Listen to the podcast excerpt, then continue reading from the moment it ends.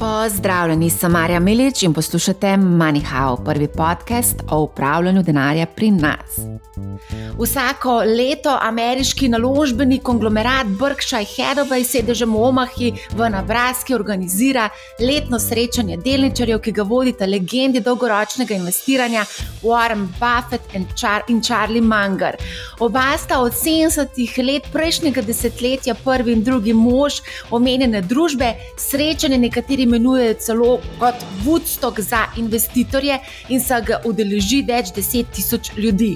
Gre pravzaprav za pravi spektakel, tudi na račun Buffeta in Mangarja, oba sta namreč krepko. V letih Buffett jih išteje 92 let, Mangar skoraj 100 let. Odgovarjata pa več ur na vprašanja delničarjev, letos sta denimo odgovarjala kar 5 ur celotni dogodek pa prenaša tudi ameriška poslovna televizija CNBC. Letos se je vodstvo za investitorje udeležil tudi Zlatko Turkovič, prevajalec knjige Očene legende investiranja Benjamin Graham, The Intelligent Investor oziroma Modri investitor, je pa tudi predavatelj vsebine iz te knjige ter avtor številnih borznih knjig. Pozdravljeni. Pozdravljeni, lep pozdrav.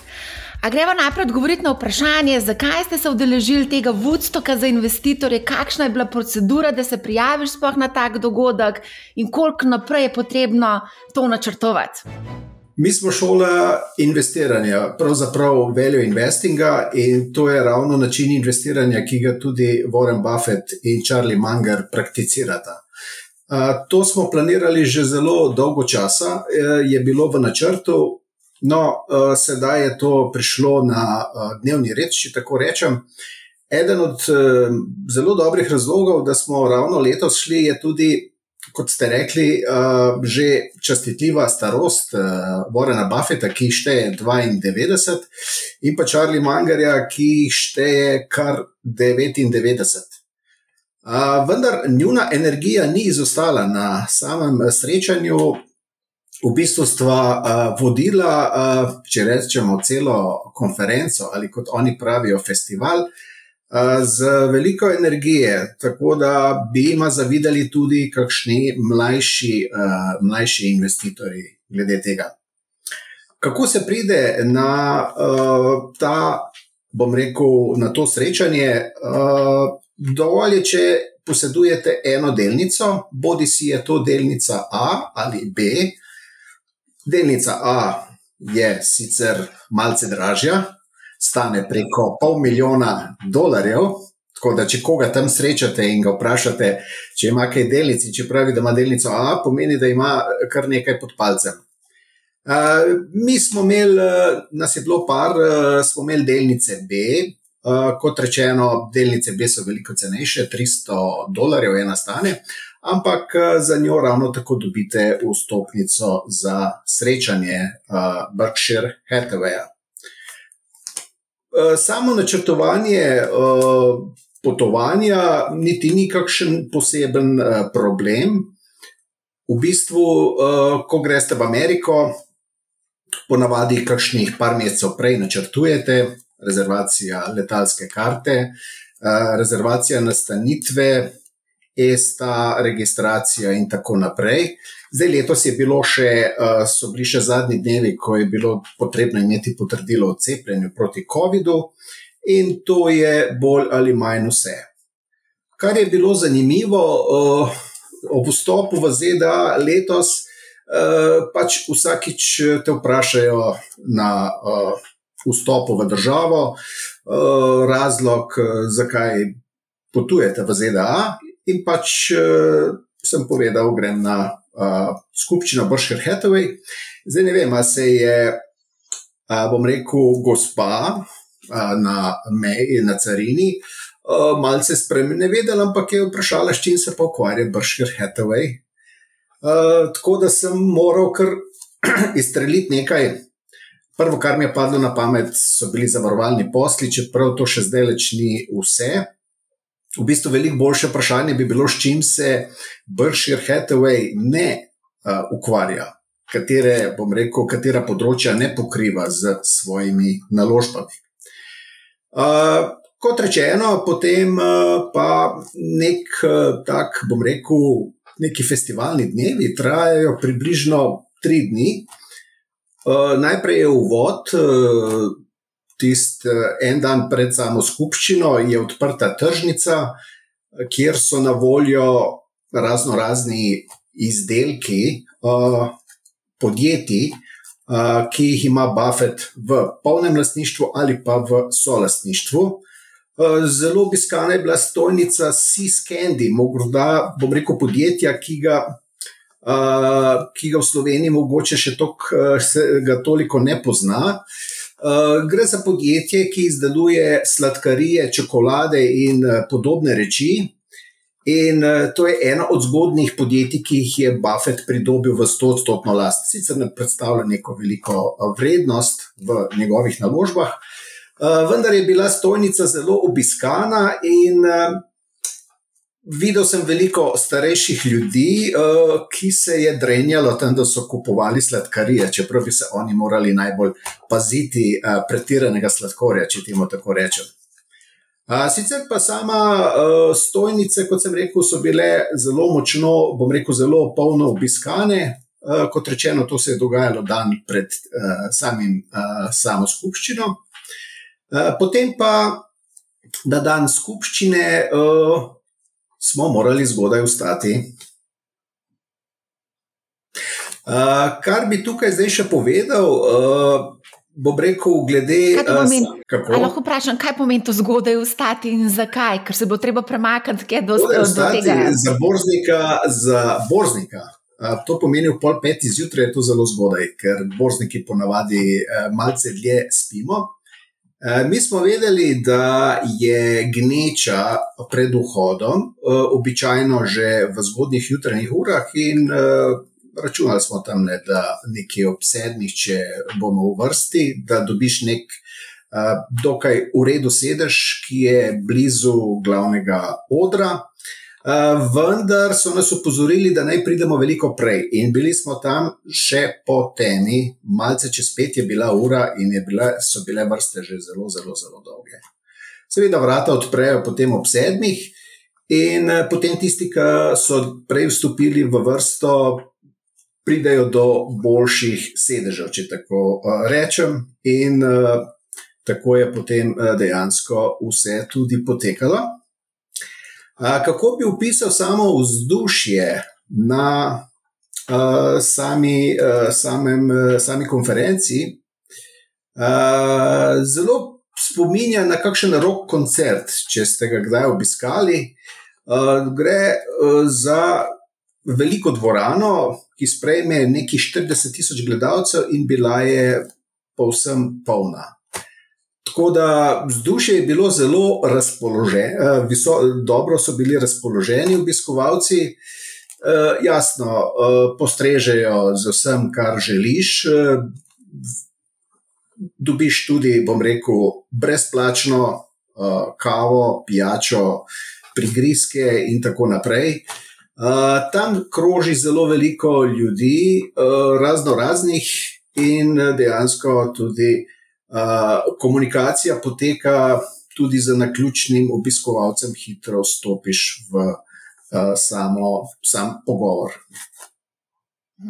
Ja, ko smo spremljali to zadevo na CNBC, smo videli, da je bilo zelo veliko tudi zvezdnikov tam, tako da ni čisto, um, niso bili samo mali delničari, ampak so bili tudi nekatere zvezde, ki so tudi mali delničari, konc koncev. A mogoče kot zanimivost, jaz sem poskušala Berkshire Hathaway um, delnico razreda A kupiti uh, tudi preko Interactive Brokers in sicer preko Fractional Trading, dejansko ne moreš kupiti frakcijo delnice, prav konkretno te delnice. Medtem ko ja, Berkshire Hathaway razreda B je bistveno, bistveno bolj ugodno ugodna, če lahko temu tako rečem, 330 dolarjev. Kako pa se pa recimo, ni potrebno nobene vstopnice kupiti za en tak dogodek, ali je potrebno, ali so kakšna finančna sredstva potrebna za, za, za to, da sploh prideš noter v, v ta prostor, ali je samo dovolj, da izpolniš formular kot delničar. Kar je najbolj zanimivo, eh, tukaj eh, so vsi enaki, tudi če niste bogati. Kot sem rekel, eh, zadostuje ena delnica B, ki stane 300 dolarjev, in za to delnico potem na blagajni lahko prejmete štiri vstopnice za štiri ljudi. Tako da, bom rekel, je, so vrata odprta širokemu krogu.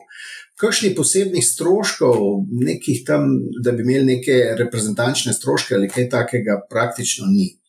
Uh, tako da lahko rečemo, da gre za uh, neke vrste brezplačno zabavo. Ampak, kot sem povedal, uh, kje to Warren Buffett dejansko kompenzira? Uh, en dan prej, uh, kot sem rekel, je odprta tržnica, no, in na tisti tržnici se pač uh, mrgoli uh, kupcev, in uh, vedno je pravilo, tam, ker je ogromno ljudi, se tudi ogromno proda. In uh, razstavni prostori so tako narejeni, da je gneča, uh, da ni veliko prostora, uh, tako da dobi uh, človek vtis, uh, da uh, rabiš nekaj kupiti, sicer bo dejansko vrsta še daljša, oziroma ne boš prišel do izdelka, čeprav jasno ga dobiš. Uh, kot sem povedal, vsi skendisi je bila zelo dolga vrsta, potem uh, pri majicah, Fruit of the Loom, prav tako. Uh, pa še nekaj uh, knjigarna. Uh, tam so bile celo knjige, božne, ki jih na Amazonu lahko kupite, ampak uh, prav na tej tržnici so se ljudje drenjali za neke knjige, ki, bom rekel, mogoče za investitorje ne pomenijo nekega, neke super dodane vrednosti ali nekaj uh, posebnega, ampak tam si pa čakal, ne vem, pol ure ali pa eno uro za knjigo v vrsti, ki jo lahko na Amazonu z dvemi kliki kupiš. Ja, Amerika. V glavnem, um, lahko mogoče kar greva na vsebino, kaj v bistvu se je dogajalo na tem dogodku, na tem festivalu. Um, tam imajo ljudje možnost postavljati vprašanja, vse skupaj je trajalo pet ur, sta odgovarjali na vprašanje. Mislim, da je okrog 50 vprašanj bilo postavljenih, zelo veliko sta pač tudi komentirala aktualne dogodke. Pa deva najprej odgovoriti na zelo zanimivo aktualno dogajanje, gospodarska napoved, oziroma kako ona dva vidita, kaj se bo dogajalo v gospodarstvu, sta omenjala morda recesijo recesijo, kako, kaj ste komentirali, kako ste komentirali um, trenutno gospodarsko dogajanje? V bistvu uh, Buffett in Manger uh, sta dobro utečen uh, dvojec. Uh, Buffett uh, običajno malce bolj elaborira, uh, na daljše, bom rekel, pove okoliščine, uh, potem pa vpraša za mnenje še Mangerja, ki pa da potem tisto, bom rekel, uh, češnjo na torti na koncu. Uh, tako, tako ona dva funkcionirata. Uh, kot smo rekli, kot eh, ste rekli, Buffett uh, ni nek eksplicitno povedal, ali vidi zadevo pesimistično ali optimistično, seveda je malce bolj so bili pesimistični toni, uh, ampak to za njega ne predstavlja velik problem, ker uh, Visti Sapi pove, da ima uh, naložbe v različnih sektorjih, kjer enkrat eni delajo dobro, drugi slabše, in tako naprej. Uh, kjer je pa videl malce večji problem, uh, je pa videl v geopolitični situaciji na relaciji ZDA-Kitajska. Uh, kar se tiče pa Mangarja, Mangar je bil pa mečken bolj, malo bolj odrezal, bi rekel, v smislu je konkretno povedal, da so pred nami malce težji časi. Eh, ampak kot rečeno, ona dva sta uh, z svojimi naložbami dokaj samozavestna in uh, ne vidita nekih uh, posebnih težav, da bi, uh, bom rekel, njuno podjetje ali njune naložbe ali njune portfelje uh, spravilo iz, uh, bom rekel, iz uh, ravnotežja. Mhm. Zanimivo je tudi to, da v bistvu sta tudi potem opozorila, da to ni neka napoved ne, in da se lahko tudi zmotita. Ne, tako da um, nista vse, vsem se zavedata, da pač lahko pride do nekih sprememb. Ne. Zdaj, ko je govora o teh ge, geopolitičnih trenjih, um, mogoče tudi zanimiva izjava Mangarja. On tukaj vidi zelo veliko priložnosti v sodelovanju z Kitajsko, za investicije na Kitajsko. Mogoče lahko tudi to, kaj poveva o tem kar je konkretno menil, recimo Alibaba, tudi nekega proizvajalca električnih avtomobilov, BYD, če se ne motim. Ja, uh, Manger, uh, Mangerju se zdi Kitajska zelo zanimivo, uh, zanimiva država za naložbe. Uh, seveda je pa zdaj v luči uh, teh, uh, bom rekel, trenj med uh, ZDA in pa uh, Kitajsko, uh, malce, uh, če temu tako rečemo, razočaran, ker ne pride do dogovora med uh, obema gospodarskima velesilama. Uh, zdaj, uh, tukaj to uh, najbolj elaborira Buffetovo ravnanje, uh, ki je lani kupil delnico uh, Taiwan Semiconductorja. Uh, skratka, uh, za podjetje, za katero je dejal, da je odlično vodeno in da vidi, uh, bom rekel, kot dobro uh, naložbeno uh, priložnost, vendar je pa letos prodal. In ravno zaradi, uh, bom rekel, edini razlog je geopolitična napetost. Ampak to so že druge stvari. Kar se pa tiče same ekonomike, gospodarske, dobičkov in tako naprej. Eh, pa pri samih, eh, bom rekel, tudi kitajskih podjetjih in pa podjetij, ki jih eh, posedujeta oba, Manger in pa Buffett, oziroma Berkshire Hathaway, kot rečeno, ne vidi nekih posebnih težav. Uh, mogoče tukaj v tem kontekstu je zanimiva tudi izjava Buffeta, uh, ki je v bistvu nekako svetoval vlagateljem, da naj ne stavijo proti Ameriki, ni pa želel specificirati, v katere investicije oziroma katere države vidiš kot zanimive. Ne? Tudi Evrope, recimo, se mi zdi, da nič ni omenjal. Ja, uh, veliko vprašanje je državalo tudi vmes med samo konferenco. Eh, zelo so ga spraševali, eh, bom rekel, po alternativnih naložbah, eh, druge regije. Kot ste rekli, Amerika se njemu še naprej zdi, bom rekel, najboljše področje investiranja. Seveda pa, kot rečeno, on veliko bolj gleda samo poslovanje kot samo regijo. Njega zanima, ali se izdelki prodajajo ali imajo izdelki, eh, bom rekel, eh, so dobro zapisani pri kupcih, da imajo neko ograjo ali kako bi temu rekel, okrog sebe, da jih kupci, da bojo na daljši rok, ki bo si bo želeli, in da bo podjetje eh, profitabilno delalo. Njemu se to zdi bolj pomembno vprašanje kot. kot Uh, samo, bom rekel, kje se geografsko nahaja. Seveda je pa Amerika znana da uh, ponuja največ takih priložnosti. Na vse zadnje je tudi uh, nakupovalni trg daleč največji in levji delež prodaje, hočemo, nočemo, če gledamo bilance podjetij, uh, se dogaja v ZDA, sploh glede na število prebivalcev in tako naprej.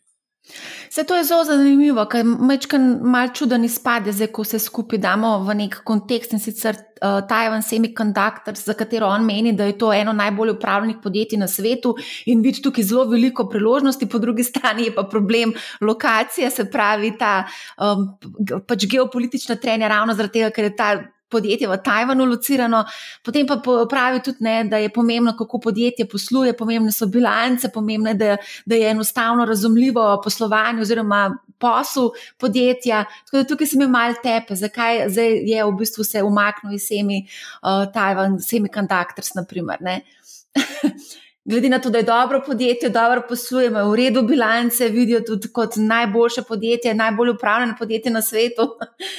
Ni, morda ne. tudi zaradi svoje starosti, zdaj morda z leti postane malce kakšen pretiran strah, ki je popade. Ne vem. Njemu se zdi pač zdaj nevarnost, da pride do, če temu tako rečem, ali ekonomskega, ali pa celo vojaškega spopada med ZDA in uh, Kitajsko, kar dosti visoka. Zdaj, mogoče se to ne bo zgodilo, ampak uh, on je v nekem momentu, uh, ko se mu nekaj zazdi. Verjetno je človek pri svojih letih ima že tudi neko, neke izkušnje in intuicijo, in uh, se mu zdi, da zaporedje dogodkov morda pele v neko zaostrovanje med eh, tema dvema eh, državama in da uh, bi pač direkten nakup tajvanskega podjetja mogoče predstavljal uh, problem uh, za njega. Ja. No, vse to je zanimivo, da ste zelo veliko govorili in poudarjali tudi naložbe v kakovostna podjetja za vzdržljivo konkurenčno prednostjo. Dejal je tudi, raje kupimo podjetje, ki ga je enostavno razumeti in voditi. Ne? To sta v bistvu ona dva v svojem bistvu, ne? investiranje v takšna podjetja. To je že dolgo časa njuno vodilo. Uh, v bistvu uh, tukaj se uh, sklicujete, če temu lahko rečem, uh, na Filipa Fischerja. Uh, poleg Grahama z, in njegovo knjigo Modri investitor, kot ste rekli, uh, za njo je uh, Buffett še uh, tudi tokrat na te srečanje dejal, da je najboljša knjiga, kadarkoli napisana o investiranju. Uh, vendar uh, iskanje podjetij za Jarkom uh, je pa področje, ki ga je obdelal uh, drugi value investing uh, teoretik Philip Fisher. In ravno temu sledita oba, se mi zdi. Ne da samo preigravate številke v preteklih prodajah, ampak iščete tudi neko posebno, bom rekel, ograjo, ki jo ima neko podjetje za svojimi izdelki v tem trenutku na trgu. In s tem, morda na podlagi preteklih številk, vsi ne vidijo bodočih dobičkov, kot jih vidi Buffett, ki ima glede tega nek poseben nos, posebno intuicijo. Kaj konkretno pa pri njemu igra vlogo, da se odloči za neko delnico podjetja, ki, uh, oziroma sprejme odločitev, ki je na prvi trenutek morda večini nerazumljiva, pa on neposredno ne pove. On samo vi, pove, da vidi dober trg in da se bo dobro prodajalo. Zdaj, uh, na podlagi katerih podatkov, konkretnih, pa to vidi, pa dejansko ne razkrije. Uh, zato vsa zadeva uh, je toliko bolj zanimiva, ko se ga posluša uh, že vrsto let. Um, a gremo mogoče še na to aktualno zadevo in sicer moje zadolževanje v ZDA, o tem je bilo tudi nekaj govora, um, kajti vsak dvig moje zadolževanja mora biti potrjen v kongresu, uh, ker pač nima ena stranka zadostne pač večine. In tukaj potem prihaja do merjenja uh, mišic, uh, in to je zelo zanimivo, glede na to, da naslednje leto so volitve, tako da zdaj vse oči javnosti so oprte v ta depth ceiling, kaj se bo zgodilo. In tukaj je bil Buffett kar v bistvu tako zelo optimističen. Sej drugega, verjete, tudi ni preostalo. Uh, pri svojih 92 letih je verjetno take, take razprave o depth ceilingu doživel že nič koliko krat. Uh, in uh, pač njemu se zdi, uh, bom rekel, ta uh, politična uh, struktura v ZDA se mu zdi relativno razumna, nekako se nam to zdi. Uh, tukaj da je veliko strasti, pa čustvo, da noben hoče popustiti. Uh, vendar tam igra denar veliko vlogo, in Amerika temelji na uh, velikih podjetjih, dobičkih, biznisu, in uh, na koncu se pač dogovorijo. Uh, seveda je pa to uh, uh, ki gledamo po televiziji, uh, ta le siling, eh, se, uh, se bo uredilo, se ne bo uredilo. Uh, to je pač predstava. Uh, Amerika je šel. To je res, ja. Amerika je šel zelo dober. Um, ampak vseeno, mogoče, a sta mogoče komentirala tudi, kakšen bo vpliv na kratkoročne ameriške zakladne menice, oziroma na obveznice, mogoče tudi. To neposredno nista govorila, so pa bila vprašanja iz občinstva, kaj menijo o, o prihodnosti dolarja, v bistvu, ki se lahko tudi veže na te zakladne menice, ki ste rekli. Ne? Ker če kupiš menico, pač moraš najprej dolarje kupiti. Ne? In zaupanje v dolar potem bi, bilo, bi pomenilo tudi zaupanje v kratkoročne. Fiksne papirje za fiksno obrestno mero. Uh, In uh, tukaj nista, uh, bom rekel, se s tem posebej ukvarjala. Uh, Buffett, oziroma Buffett je rekel, najboljša valuta, oziroma najboljši ohranjevalec vrednosti je, uh, da kupiš uh, delnice podjetij, uh, podjetij, ki bodo dobro poslovali, da jih kupiš po primerni, uh, zmerni ceni in da uh, žanješ kapitalske dobičke in pa dividende, da je to najboljše hranilo vrednosti, ne pa valuta ali pa obveznice ali pa kratkoročni dolžniški papiri te, v tej ali oni valuti. Je v bistvu kar zanimiva izjava. Uh, se mi zdi, da um, je pa tudi pomembno povedati, da sta zelo iskrena in direktna, in da sta tudi povedala, da nimata pojma, kam bodo šli tečaji. Tako zelo, zelo direkt povesta. Pač povesta svoje mnenje, ampak dodate to pikico na koncu. Ja, ne vemo točno, kaj se bo zgodilo. Ja, uh, ona dva sta v bistvu, uh, zdaj ne vem, uh, kot sem rekel, uigran dvojec. Uh mhm. -huh. Manger običajno uh, zelo malo govori. Uh, zdaj, kar pa pove, uh, se ga splača pa zelo dobro poslušati. Zdaj, sicer on uh, je večkrat manjši, manjši optimist, morda kot Buffett. Buffett je bolj zgovoren, bolj optimističen, uh, Manger pa pove, bom rekel, stavek ali dva. In uh, rekel je investitorjem, da bomo mogli malo zategniti pasove, da bomo morali biti navajeni na niže dobičke. Tega se najbolj spomnim, uh, kar se tiče Mangerja. Uh, pri Buffetu pa kakšne velike razlike v njegovih tonih, uh, glede, na, uh, glede na prejšnja leta, kot sem spremljal po internetu, uh, nisem, uh, nisem slišal. A ste mogoče kaj komentirali volitve naslednje leto v ZDA? Uh, volitve v ZDA uh, pravzaprav uh, ni bilo nobenega. Temu ste se, bom rekel, povsem izognila. Tej temi uh, se je pa ta tema posredno, uh, bom rekel, priplazila v drugi polovici konference, uh, kjer so pač ena skupina delničarjev je dajala neke zelo zanimive predloge.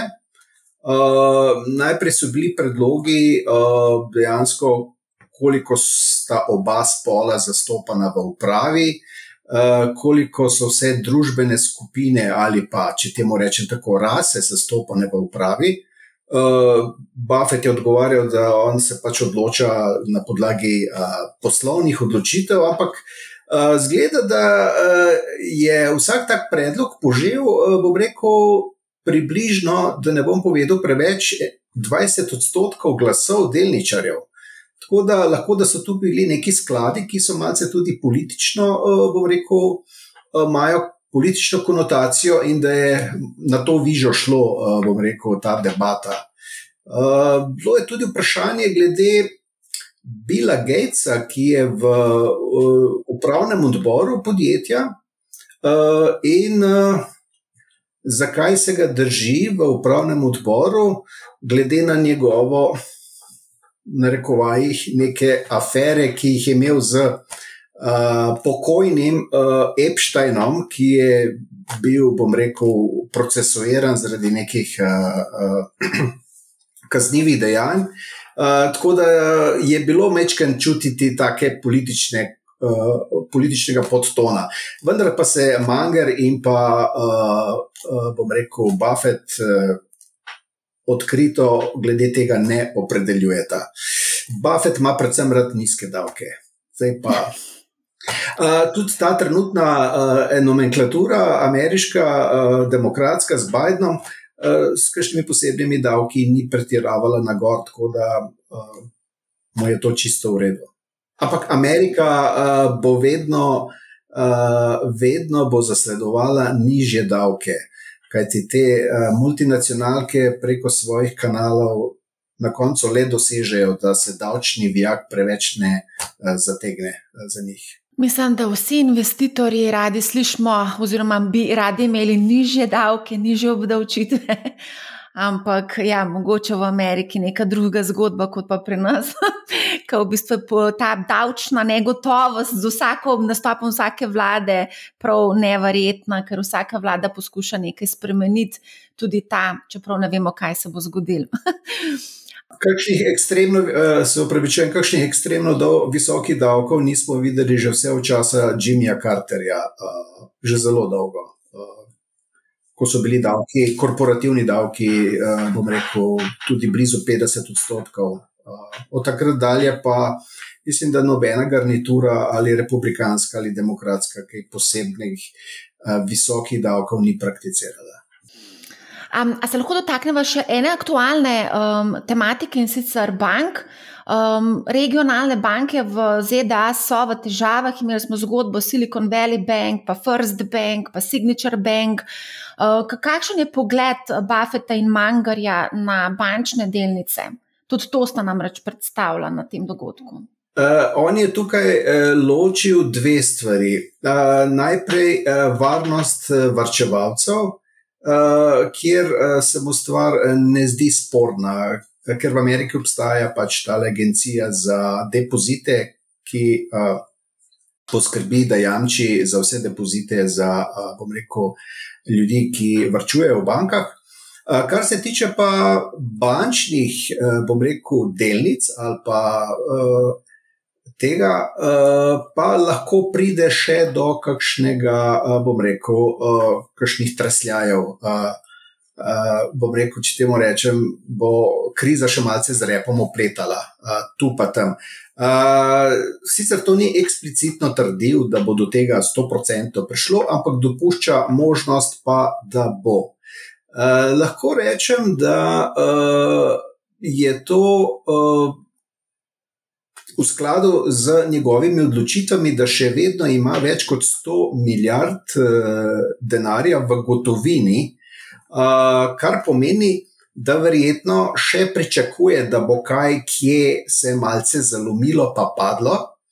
Uh, da bo lahko potem, uh, bom rekel, stopil za nakupom z to gotovino. Uh, tako da vidi, jaz uh, bi rekel, da nekje 70 odstotkov verjetnosti, da vidi še neko možnost, da se bo kaj, uh, da bo kaj za, uh, zatrokiralo, če povem v takem jeziku. Ja. Ampak, kakšnega, bom rekel, hudega, uh, hudega tveganja, razen geopolitičnega, uh, ki je zdaj. Uh, Te, uh, bom rekel, nuklearne debate in tako naprej, uh, to ga nekaj najbolj skrbi. Uh, gospodarstvo samo ga uh, pravi, da je stvar prehodne narave in da uh, tu ne vidi uh, največjega problema. Se Buffett in Munger sta doživela že kar nekaj ciklov v svojem investicijskem obdobju, če lahko tako rečem, tako da verjetno sta navajena vsega hudega. Ta geopolitična trenja, ki smo jim pa priča danes, pa verjetno in ta vse napredek, razvoj tehnologije, to pa je tudi za njih nekaj novega, konc koncev. Ja, ona dva sta se dotaknila uh, uh, uh, tehnološkega razvoja in uh, Debatirala sta o tem, eh, kaj ta tehnološki razvoj pomeni za eh, poslovanje, eh, za delničarje, za investicijske priložnosti, ali bo priložnosti še tudi v bodoče toliko, glede na vse, kar prinaša tehnologija, tudi umetna inteligenca in tako naprej. Ampak je Buffett rekel, da človek bo še vedno delal psihološke napake tehnologija taka ali drugačna. Še vedno smo bitja, bom rekel, kot smo bili pred eh, ne vem, tisoč ali pa deset tisoč ali pa dvajset tisoč leti, in še vedno smo uh, delamo uh, napake, da pretiravamo. In ta pretiravanja, bom rekel, nesorazmerja, podcenjenost, precenjenost se bo kazala na borzi tudi v prihodnje. Tako da za investicije ne bo nič manj priložnosti zaradi razvoja tehnologije morda še celo več. A, tukaj sta bila tudi kar precej konkretna, izpostavila sta recimo Amazon, Apple. Vemo, da Buffett je kar dolg časa oklepal, okleval za investicijo v Apple, zdaj izpostavlja kot eno pomembno investicijo. Po drugi strani pa mislim, da sta omenjena tudi Snowflake, pa fin, fintech podjetje Paytim, če, se, če, se prav, če sem prav to videla. Ja, sta bila kar konkretna, ne? Uh, zdaj, glede teh podjetij, ki ste jih naštevali, točno ali nisem ravno najbolj pozorno poslušal. Recimo, sta pa povedala, da vseh tehnoloških, bom rekel, podjetij, ki so kasneje, do, kateri delnice so precej dobro napredovali, da ste jih spustili iz rok. Tukaj omenja Amazon, pa omenjajo tudi Google in tako naprej, ampak to je že preteklost. Zdaj, trenutno se drži uh, Apple kot, uh, bom rekel, uh, glavnega, uh, glavnega uh, bom rekel, glavne pozicije, ki jo drži, saj približno 30% njegovih naložb predstavlja prav Apple. In pravi, da če dalje bolj tehnologija, da mu je dejansko blizu. Kaj se je spremenilo? To bi se navezal na prejšnjo ugotovitev. Pravi, da borznik, oziroma tudi on osebno, ni mu treba tehnologije poznati vse detajle, ampak pomembno je, da ve, da ljudje te produkte rabijo. Tako je pri Applu, pravi, on ne rabi aparata poznati pa vse njegove komponente, ampak samo, da ljudje imajo radi produkt in da so, če temu tako rečem, zaljubljeni v blagovno znamko in pa v sam izdelek. Tako da, potem, ko smo že pri Apple, je bilo tudi vprašanje, ali delničarjev, ali morda ni prevelika koncentracija ene naložbe, bom rekel, denarja v eni sami naložbi. Kajti Apple predstavlja skoraj tretjino vseh naložb. Tukaj se je izvlekel, uh, malce si je za Fisherjem pomagal. Uh, Kaj ti, ko stavi na Apple, uh, je dejal, stavi na več industrij. Kaj ti Apple ni samo, uh, bom rekel, telefoniranje, ampak je tudi, tukaj tudi zabava, prosti čas, uh, vsebine in tako naprej. Tako da tukaj je notri več panok. Uh, tako on gleda uh, na, uh, bom rekel, uh, tehnološke, tehnološke delnice. Skratka, Apple mu nekako povzema več. Uh, tehnologij uh, v, samem, v enem samem podjetju. Um, a ste mogoče tudi govorili kaj o aktualni zadevi in sicer umetni inteligenci, kako bo, kašno, kako bo umetna inteligenca vplivala na, na borzo, na podjetja? Tukaj ste pa dobesedno povedali, da ne veste. Da je, bom rekel, posebno uh, ne napisana knjiga. Uh, dejansko niti Manger, niti Buffett nista dala nobenega uh, takega oprijemljivega odgovora, da je zanimivo, uh, uh, da so stvari zelo zanimive. Uh, tako da sem dobil tisto, da zelo razmišljate o tem. Kako bi lahko to ona dva vključila? Zdaj, morda imata uh, neko predstavo, ampak nista pa javno uh, povedala, ali je to zelo dobro ali ni dobro. Ne? Tako kot recimo uh, Elon Musk, pa uh, na eni strani pa Zuckerberg, kjer sta oba na nasprotnih mnenjih, eden pravi, da ni dobra umetna inteligenca, eden da je. Uh, tukaj je Buffett še zaenkrat na sredini, bom rekel, še na dveh stolih sedi. Zdaj, kaj bo pa uh, naredil, ali bo uložil v kakšno podjetje, ki uh, umetno inteligenco podpira, pa uh, to pa se ni dalo razbrati iz njegovih odgovorov. Je bilo pa več govora, recimo o robotiki. Ne? Sploh uh, Manger se mi zdi, da je tukaj večji navdušenec nad robotiko kot pa Buffett. Ja, uh, tukaj uh, sem predvsem slišal uh, del razprave, uh, ki se je vezal, ali, je, ali jima je všeč Elon Musk. Bom rekel, ki je nek promotor uh, uh, neki bodočih tehnologij za uh, morda za 30-40 let naprej. Ona dva to zelo hvalita.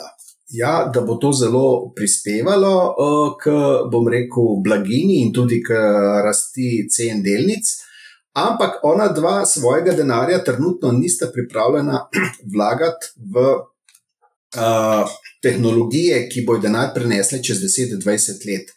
Zdi, ste, zdi se, da sta tukaj malce konzervativna in se držita, eh, bom rekel, tistega oprijemljivega, oprijemljivih, eh, bom rekel, starokopitnih eh, naložb, ki prinašata rezultate prodajne in pa vse, kar zraven spada, dividende in tako naprej, že sedaj. Pravite pa, da Musk počne zanimive stvari ampak uh, da pa troši tudi enormno velik denarja in to njima ni všeč.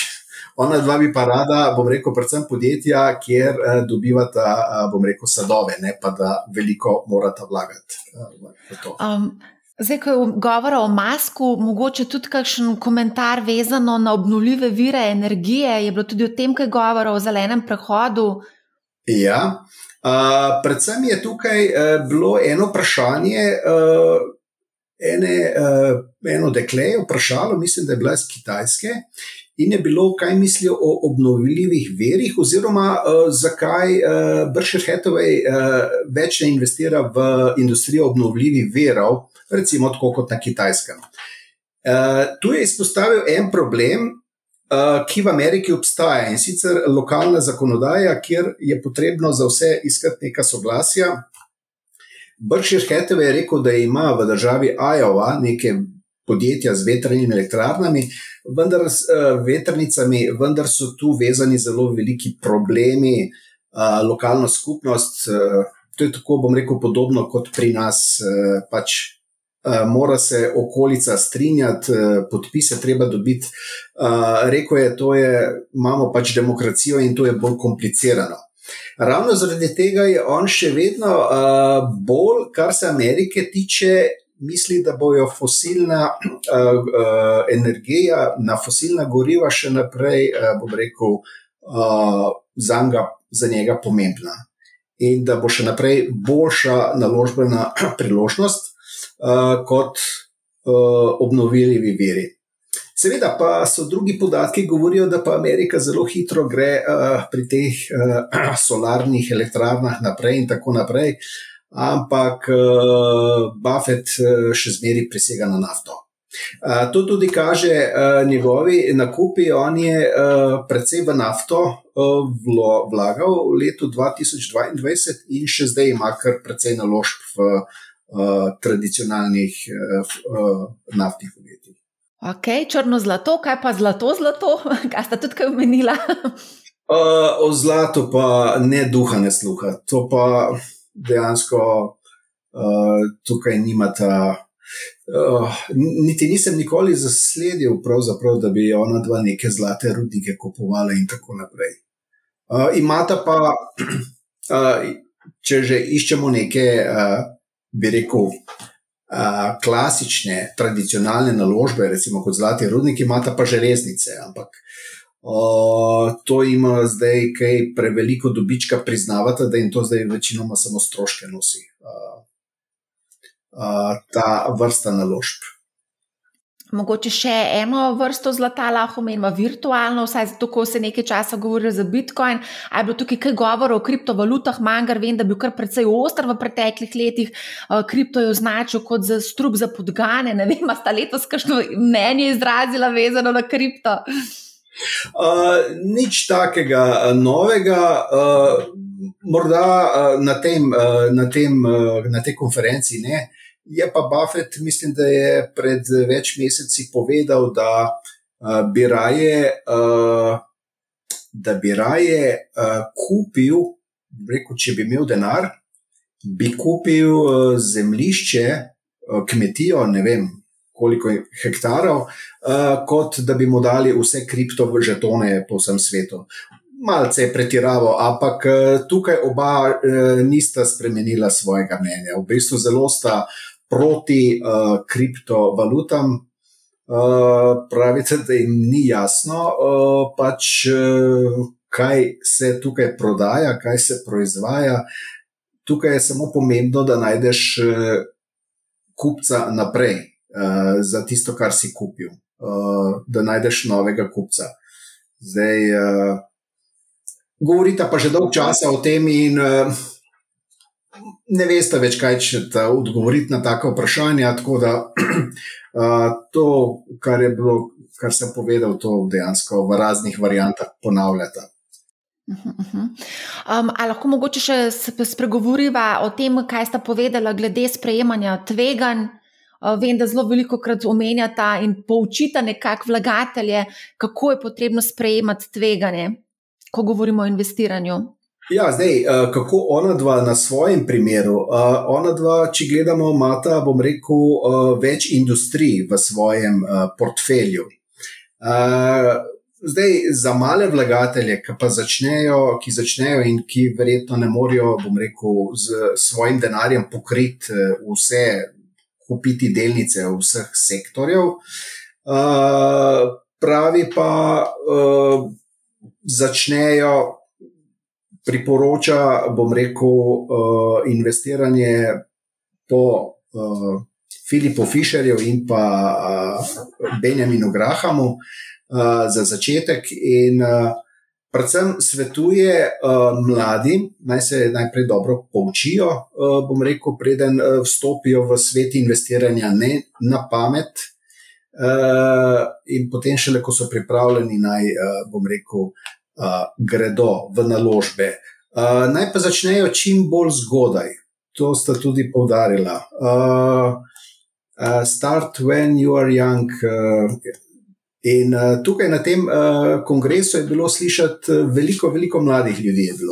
Uh, neverjetno. Tako, ko sem se pogovarjal, bi rekel, uh, marsikdo je bil celo mlajši od 20 let.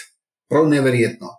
Uh, nekatera vprašanja, ki so uh, bila na samem, uh, bom rekel, kongresu, uh, ki so prišli do mikrofona, so, celo, so bili celo mladi ljudje, stari tam 11-12 let. Prav neverjetno. In uh, kakšne zrela vprašanja smo slišali od, uh, recimo, eno dekle, ne vem, ni imelo več kot, kot sem rekel, 11 let in zelo zrelo spraševalo. Glede na ložb in tako naprej. Tako da, uh, zgleda, da uh, ima, je naredil zelo uh, dobro reklamo uh, borzništvu Buffett z svojim načinom komuniciranja z, uh, z investitorji. En poseben način, uh, bom rekel, malce zvezdniški, kot, kot da bi recimo Bruce Springsteen govoril o borzi nek, nekakšen ta način. Se je tudi ta festival posledica tega, ne? ker je v bistvu dostopno vsem, ne? tudi mladi človek lahko pride in postavi vprašanje enemu milijarderju. Ne? Tako da že ko je to, je v bistvu neki tak drugačen pristop, kot smo vajeni. Uh, natančno. Uh, to je dejansko uh, ena zadeva, ki jo nisem še videl nikjer. In do zdaj sem bral o tem, bil sem prvič na, tem, uh, na takem srečanju. In uh, moram reči, da sem zelo, zelo uh, pozitivno presenečen, da se je vse dogajalo, uh, rekel, na zelo visokih obratih. Uh, uh, in ko smo prišli nazaj v Ljubljano, uh, si bil poln vtisov, nosil si v sebi vse tisto, kar se ti je dogajalo tri dni. Omaha je pravzaprav neko tako mesto, nič posebnega, po velikosti podobno Ljubljani, ampak eh, je pa okolica bolj kmetijske, kmetijske narave. Eh, Ljubljana ima okoli sebe veliko več, bom rekel, tega le industrijskega zaledja, eh, ampak to, to mesto je ravno zaradi Buffetovega festivala pač v teh dneh oživi in bom rekel, postane kot nek mali New York za teh nekaj dni, ko ima Buffett eh, skupščino. Ja, pa mogoče tukaj lahko tudi poveva, da Buffett je popolnoma drugačen vem, milijarder ali pa menedžer.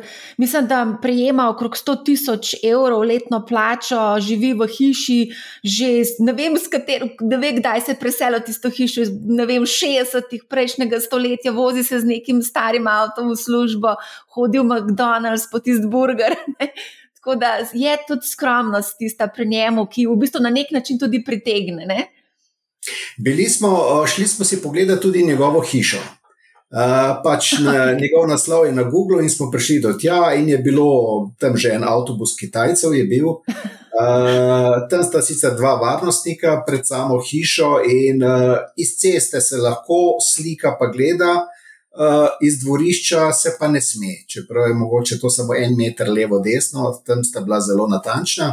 Njegova hiša ni nič posebnega. Uh, veliko slovencev, če se tukaj malo zapeljete po Gorenskem ali pa Štajerskem, uh, skoraj vsaka druga hiša je verjetno, uh, če temu tako rečemo, od zunaj lepša od njegove. Nič posebnega. Ena stara hiša za neko celo sivo fasado, uh, okolje je pač obdana z ograjo, ampak tisto, kar na zunaj izgleda, ne kaže, bom rekel, nič uh, na noben uh, velik luksus. Uh, človek tudi uh, ni, uh, bom rekel, je zelo nenavaden. On je delniško skupščino vodil zelo preprosto, čisto preprost človek, ne kot bogataš. Uh, tiste papirje z dnevnim redom, kot predsednik družbe, uh, Uh, sam je sedel na uh, odru in uh, tisti dnevni red uh, premleval in se ukvarjal z predlogi, kot sem prej povedal, o zastopanosti spolov in pa Billu Gatesu s takimi banalnimi stvarmi, ki uh, bom rekel, bi jih lahko prepustil komu drugemu, ki bi zraven vodil. Ampak on je pri svojih 92 letih vse to sam, uh, bom rekel, podelal uh, gor uh, na odru. In uh, ja, uh, neverjeten možak, drži se nekih svojih načel, uh, tradicij, uh, delavnosti, neverjetne. In uh, vtis je bil, ko sem ga gledal, da je še celo bolj, da ima celo več energije kot lani, ko sem ga gledal po videu. Uh, tako vtis sem dobil. Neverjetno. Ja. Zadnje čase veliko takih 90 plus ljudi spoznavam in moram priznati, da sem čisto fascinirana, kako so nekateri dejansko v 90-ih letih v bistvu tako prisebni, da še vodijo v take skupščine, je to nekaj neverjetnega. No? Ne vem. Um, ali lahko mogoče se dotaknemo še eno zadevo, Warrena Buffeta in njegov portfelj, uh, Berkshire Hathaway, zelo radi kopirajo vlagatelji po celem svetu. Kako je sestavljen njihov portfelj, kaj sta kupovala, kaj sta prodajala? Ja, zdaj, če pogledamo, uh, kaj sta ona dva zadnje leto kupovala, prodajala, uh, dokupoval je, uh, kar je možno videti tudi, uh, bom rekel, iz javno dostopnih podatkov, uh, dokupoval je Apple, pa kot sem rekel, uh, nekaj naftnih delnic, uh, sicer pa uh, prodal je uh, semikonduktor, ampak kakšne posebno velike aktivnosti, uh, bom rekel, zdaj v zadnjih mesecih uh, ni bilo. Zdaj, nekdo, ki ga želi kopirati, pa da bo ob tem računal, da bo naredil nadpoprečne dobičke, je Buffett tako rekel: uh, Mi smo tako velika družba, da uh, z našim obsegom uh, pač sredstev in pa z našo prepoznavnostjo uh, ne moremo delati tako dobrih dobičkov, kot jih lahko dela nek mali investitor, ki, je, uh, ki lahko kupi, uh, bom rekel, uh, manjša podjetja, manj delnic, uh, če temu tako rečemo, na skrivaj. Uh, kupuje, in če bi bili manjša družba, manjše podjetje, bi delali boljše dobičke. Povedal. Tudi če se spomnite uh, njegove zgodovine, on je najboljše dobičke delal v 70-ih letih, poznih 60-ih in pa 70-ih letih, skratka v zgodnjem delu svo, uh, svoje kariere. Uh, zdaj v starejšem delu, sicer še vedno zelo dobro uh, uh, funkcionira uh, njegov portfelj, uh, ampak uh, niso pa več tako, uh, bom rekel, donosi vsako leto uh, fantastični, kot so bili recimo 30-40 let nazaj. Ko še ni bil toliko znan in ko je uh, lahko, uh, bom rekel, bolj skrivoma kupoval, pa prodajal, in ni bil tako uh, na očeh uh, investicijske javnosti. Tako da je rekel, uh, Jaz nisem nič na boljšem zaradi tega. Jaz bi bil raje uh, manjši investitor in verjetno bi delal boljše donose, uh, če bi bil, uh, bom rekel, nek mali investitor z malim zneskom. Mogoče tukaj lahko še dodava njegov pogled na dolgoročno investiranje. On je znan ravno po tem, da je dolgoročni investitor, da stavi na neko zgodbo na dolgi rok, Uh, ja, uh, jaz sem dobil tis, sicer on to govori o dolgoročnem investiranju, uh, vendar sem dobil tis, ker tako je rekel, uh, on in Manger, da niti približno ne veste, kaj bo čez pet ali sploh čez deset let. Uh, nimata se za nobena preroka. In eh, zdi se mi tudi, da se držita morda nekaj letnega horizonta, približno do pet let za naprej, probata eh, poskusita, eh, bom rekel, videti, kaj bo s podjetjem, kakšne možnosti ima. Tako da se mi zdi bolj, da sta nekje na tale srednji rok orientirana. Kaj posebej, da bi pa gledala neke 10, 20, 30 letne horizonte, pa ne. To se sklada s tistem, kar sem povedal glede maska. Mask ima, bom rekel, področje pokriva, ki bo tehnološko področje, ki še prihaja v naslednjih desetletjih. Ampak ona dva v svojih investicijah hvalita ga oddaleč, oddaleč, ampak denarja pa svojega še ne bi dala v take daljne projekte, ker, kot pravite, ne veste, kaj bo. Ja, zanimivo, ko to poslušam, glede na to, da sta stara krepko čez 90 let. Ne? Um, 20-30-letni plani so tako zanimivo, zanimivo slišati. Ampak, kde pa vse mogoče, sem še to, vem, da je bilo govora tudi o nasledstvu, uh, Berkshire Hathaway, kdo bo zdaj tukaj šef, govori se o Gregu Abel, ki je v bistvu že nekako nameščen za no, novega CEO-ta oziroma predsednika upravnega odbora. Uh, kaj je bilo tukaj, ali delničarje mogoče skrbi? Prihodnost Berkshire Hathaway, potem, ko se boste poslovili, ali mogoče kaj govor o tem, kdaj se boste upokojili, če se sploh boste? E, jaz ne verjamem, da se bo, da se bo to ona dva upokojila. Uh, kaj ti, uh, bom rekel, funkcionirata, miselno funkcionirata uh, izvrstno, še vedno. Uh, kar se tiče pa njegovega nasledstva, uh, uh, ko ste omenili Grega Abla. Uh, se dobil vtis, da je uh, zelo, bom rekel, racionalen, uh, čisti, bom rekel, klasičen Grahamov uh, tip investitorja, skratka, ki je všeč tudi uh, Buffetu in verjetno, da po tej plati ne bo težav.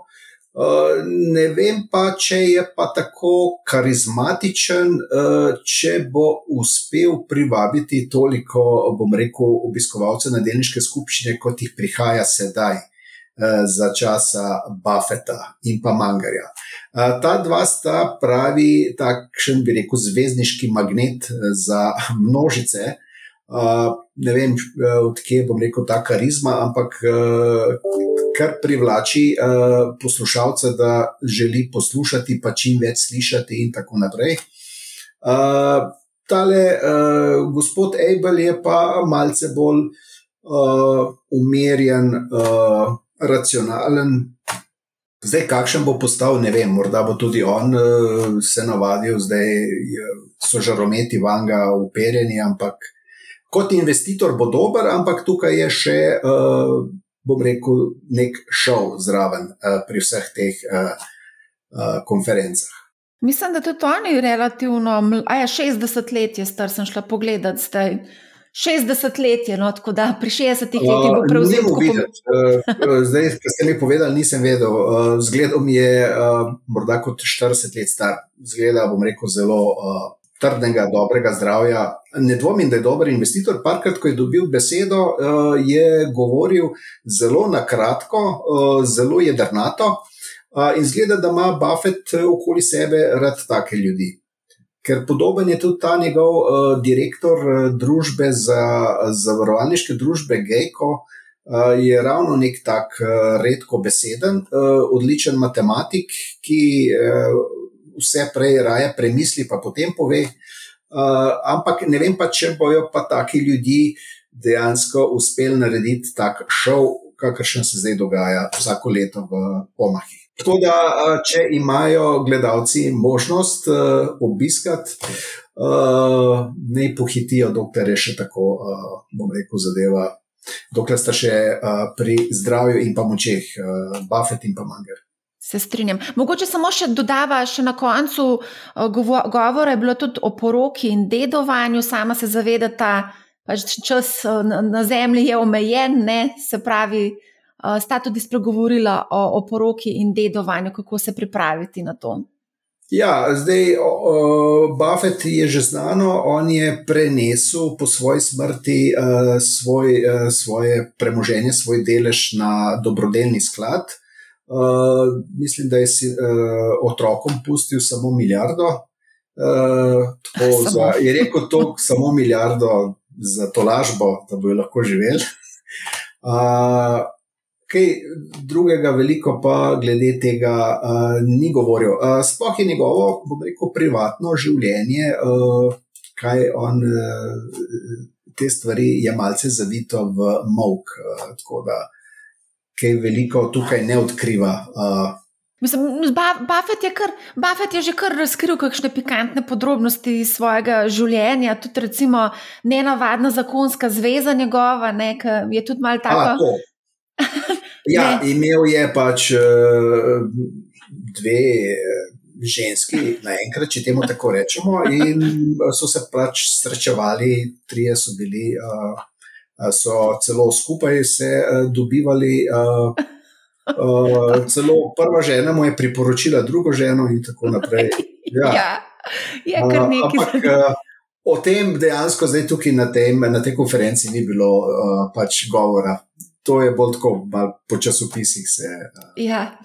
Um, a, lahko a lahko mogoče samo še za zaključek, vi ste izkušen borznik, uh, kaj ste, kaj ste kaj novega izvedeli, kar bo lahko plemenitilo uh, vaše znanje, vaše investicije na tem dogodku? Uh, kar bi rekel, je, da uh, preden uh, se gre gledati tak dogodek, uh, je dobro uh, malce se podkovati z, bom rekel, lahko se iz literature podkuje vlagatelj. Kaj ti, če tam padeš, potem vidiš samo tiste luči, pa ne veš, kaj bi počel to vsebino. Če si pa modrega investitorja ali pa nekaj njegovih knjig prebral, potem pa vidiš, da ima to, kar je povedal, nek, neko, bom rekel, težo. Uh, Kaj ti on sedaj uh, govori, da je nekako morda uh, se bliža čas, uh, ko bo vredno kupovati. Uh, med vrsticami, da je vedeti, morda ne še ta moment, sicer lani je že nekaj kupoval, ne še ta moment, ampak tukaj nekje smo.